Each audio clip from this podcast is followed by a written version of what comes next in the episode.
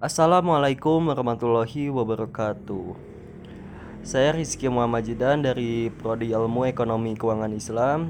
Di sini eh, saya akan eh, sedikit berbicara mengenai kebijakan pembangunan yang pernah dilakukan oleh pemerintah Indonesia dan eh, bagaimana pembangunan dalam perspektif Islam.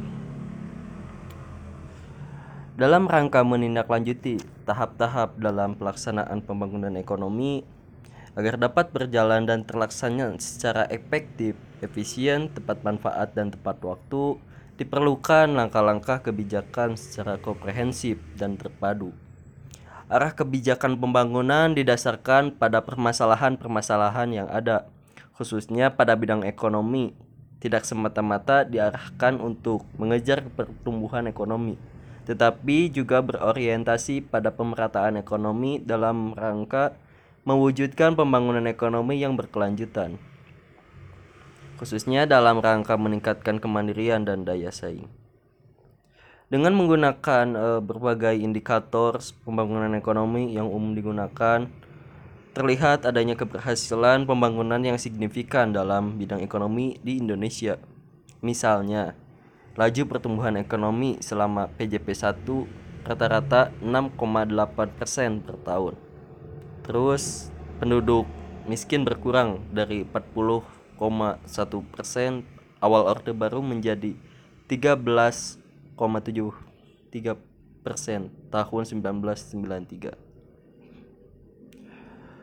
Selain keberhasilan tersebut, masih banyak keberhasilan lain yang dipakai sebagai gambaran yaitu pengendalian inflasi, konsumsi energi, cadangan devisa, dan lain-lain.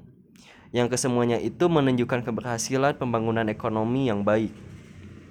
Namun demikian, memang tidak semua berhasil seperti yang kita harapkan.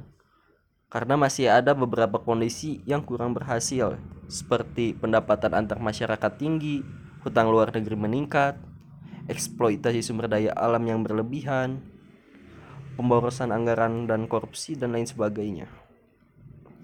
Nah, berbagai penyakit ekonomi tersebut tidak bisa dihilangkan atau dikendalikan sehingga akhirnya memberi kontribusi pada runtuhnya kekuasaan di Orde Baru. Dengan meninggalkan situasi ekonomi di dilanda krisis yang sampai sekarangnya masih belum pulih. Yang menjadi permasalahan adalah untuk mencapai tujuan pembangunan tersebut adanya prakondisi yang harus dicapai terlebih dahulu, yaitu adanya pemerintahan yang bersih dan tata kelola yang baik. Nah, sekarang beralih kepada ekonomi pembangunan Islam.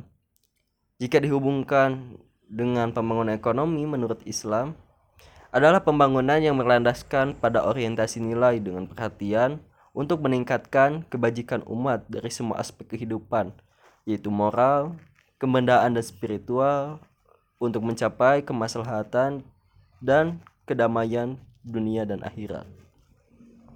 Konsep dasar pembangunan ekonomi yang islami dilandasi dengan Al-Quran dan hadis. Namun demikian landasan utama pembangunan ekonomi dalam Islam didasarkan pada surah Ar-Rod ayat 11 yang dijelaskan bahwa sesungguhnya suatu kaum atau suatu bangsa tidak akan berubah ke arah kebaikan jika mereka sendiri tidak berusaha untuk memperbaikinya.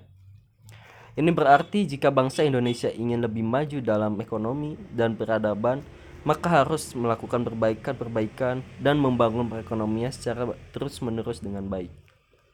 Demikian begitulah uh, yang bisa saya sampaikan. Mohon maaf apabila ada kesalahan dan kehilafan kata.